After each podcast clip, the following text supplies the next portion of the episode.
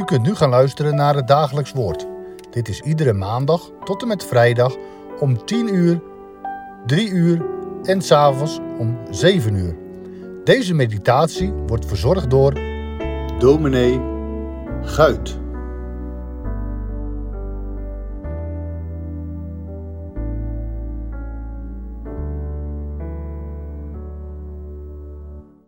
We lezen met elkaar enkele versen uit de Bijbel en wel Daniel 4, vers 19 tot 24. Toen stond Daniel, zijn naam is Beltesazar, een ogenblik verbijsterd. Zijn gedachten verschrikten hem. De koning antwoordde en zei: Beltesazar, laten de droom en de uitleg ervan u niet verschrikken. Beltesazar antwoordde en zeide: mijn heer, mogen de droom overkomen wie u haten en de uitlegger van uw tegenstanders.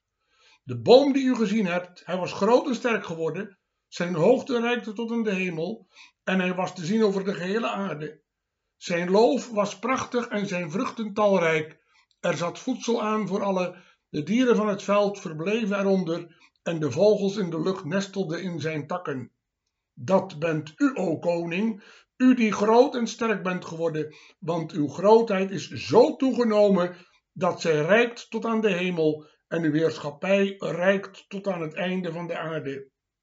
Dat nu de koning een wachter, namelijk een heilige, heeft zien neerdalen uit de hemel, die zei, houd deze boom om, vernietig hem, maar laat de stam met zijn wortels in de aarde, en wel in een ijzeren en bronzen band, in het jonge gras van het veld, laat hem bevochtigd worden door de dauw van de hemel, en laat zijn deel met de dieren van het veld zijn, totdat er zeven dagen, zeven tijden over hem voorbij zijn gegaan. Dit is de uitlegger van uw koning en het is een besluit van de Allerhoogste dat mijn Heer de koning overkomt.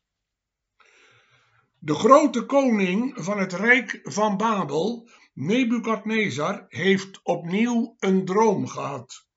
De eerste droom ging over een beeld dat voor een deel uit goud, een deel uit zilver, een deel uit ijzer en een deel uit leem bestond. In de tweede droom ziet Nebukadnezar een boom. Die boom is het centrum van de wereld. Niemand kan eraan voorbij. De boom was enorm groot en een lust voor het oog. Hij geeft alle mensen te eten, biedt schaduw aan de dieren en de vogels maken een nest in zijn takken. Maar dan gaat het mis.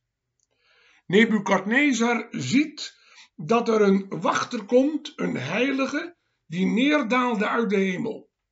Men vermoedt dat hiermee een engel wordt bedoeld, al is de betekenis van het oorspronkelijk Hebreeuwse woord niet geheel duidelijk. En wat doet nu die wachter? Hij roept met grote stem Houd de boom om, kap zijn takken, stroop zijn loof af en verstrooi zijn vruchten. De luister en de heerlijkheid van de boom gaat totaal verloren. De boom wordt omgehouden. Nebukadnezar is verontrust en verschrikt door deze droom. Hij roept zijn wijzen en adviseurs bijeen, vertelt hen de droom en vraagt aan hem wat de betekenis ervan zou kunnen zijn. Maar de magiërs van het Rijk van Babel stellen teleur. Zij kunnen geen verklaring geven voor de droom van koning Nebukadnezar. Dan wordt Daniel erbij geroepen. Hij wordt bij zijn Babylonische naam genoemd, Belshazzar. De koning vertelt zijn droom ook aan hem. En Daniel is diep geschokt als hij de droom van Nebukadnezar hoort vertellen. Hij is verbijsterd. Want de Heere maakt hem ook de uitleg ervan bekend. En die uitleg houdt een oordeel in over koning Nebukadnezar. Daniel moet het gericht aankondigen. En dat is uiteraard geen gemakkelijke taak. Hij huivert en gunt zijn koninklijke hoorder die boodschap niet. Maar hij moet ook aan zijn roeping getrouw blijven. En hij mag niets van wat de Heere hem openbaart voor Nebukadnezar verborgen houden.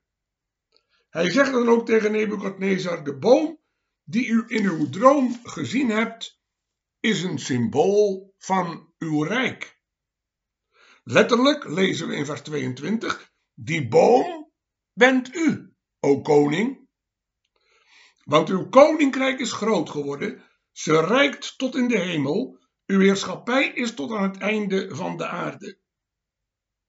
Maar we horen in deze woorden al dat Nebukadnezar zich verhief, dat hij steeds hoogmoediger werd en dat hij de God van Abraham, Isaac en Jacob niet nodig had.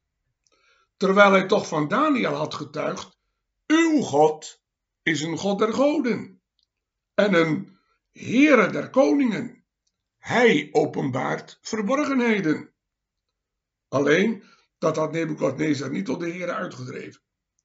Integendeel, hij deed alles om zijn eigen macht te vergroten en te bevorderen.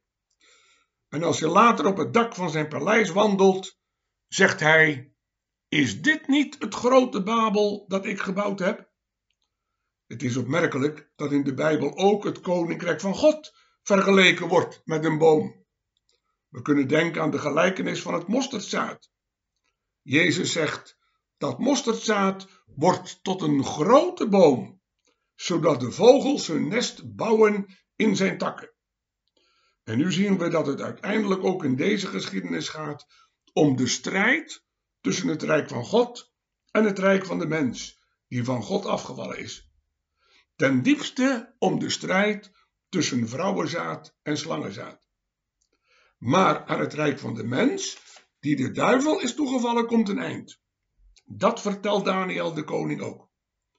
Want hij houdt de koning voor dat er een wachter komt die opdracht geeft om de boom om te hakken. En dat betekent dat u, o koning, van uw troon gestoten zult worden. Ja, u zult aan de beesten van het veld gelijk worden en gras eten zoals de runderen. Daniel bleef trouw aan zijn roeping. Hij verzweeg niets van wat de Heere hem had geopenbaard. Hij was ook niet bang voor de wraak van Nebukadnezar. Onverbloemd vertelt hij wat de droom te zeggen had. En het is ook uitgekomen. Later is Nebukadnezar ook van zijn troon verstoten. Aan de dieren gelijk geworden en totaal vernederd. Twee dingen vallen overigens wel op in wat Daniel zegt. In de eerste plaats roept hij Nebukadnezar nog op tot bekering. Want later zegt hij in vers 27: Breek met uw zonde door gerechtigheid te betrachten en met uw ongerechtigheden door genade te bewijzen aan de ellendigen.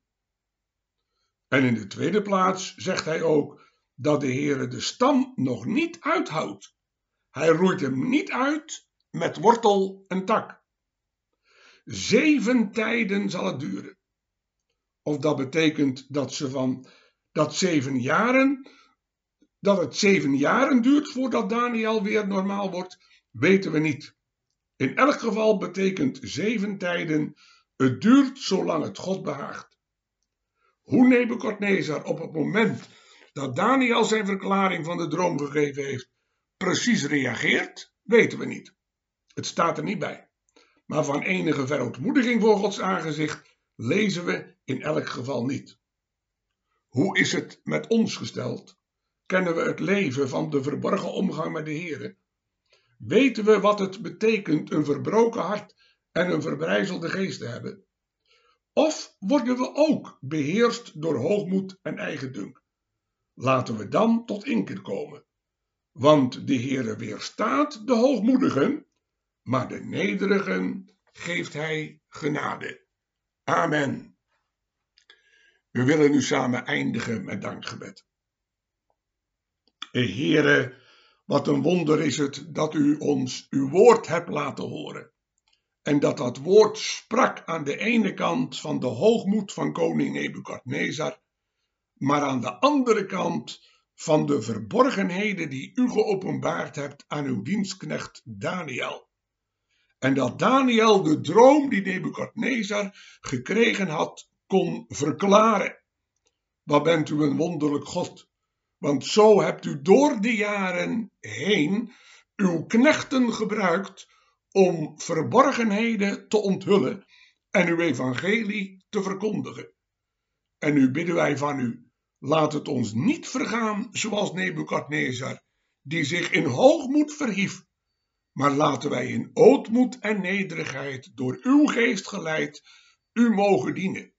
En laten we door het geloof in de Heer Jezus Christus de weg mogen gaan die Hij ons heeft voorgehouden.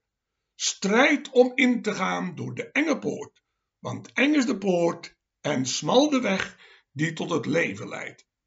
Heere, wilt u ons daartoe leiden door de geest der genade en der gebeden. Gedenk ons ook bij al onze zwakheden, moeite, verdriet, bij het ouder worden, wees ons daarin nabij en wilt u ons bovenal voorbereiden op de grote toekomst die wacht als wij uit het leven worden weggenomen. En geef dat we door het geloof ervan overtuigd mogen zijn dat dan de stad die fundamenten heeft, waarvan u zelf de kunstenaar en bouwmeester zijt, ook voor ons is weggelegd. We vragen het van u om Jezus wil. Amen.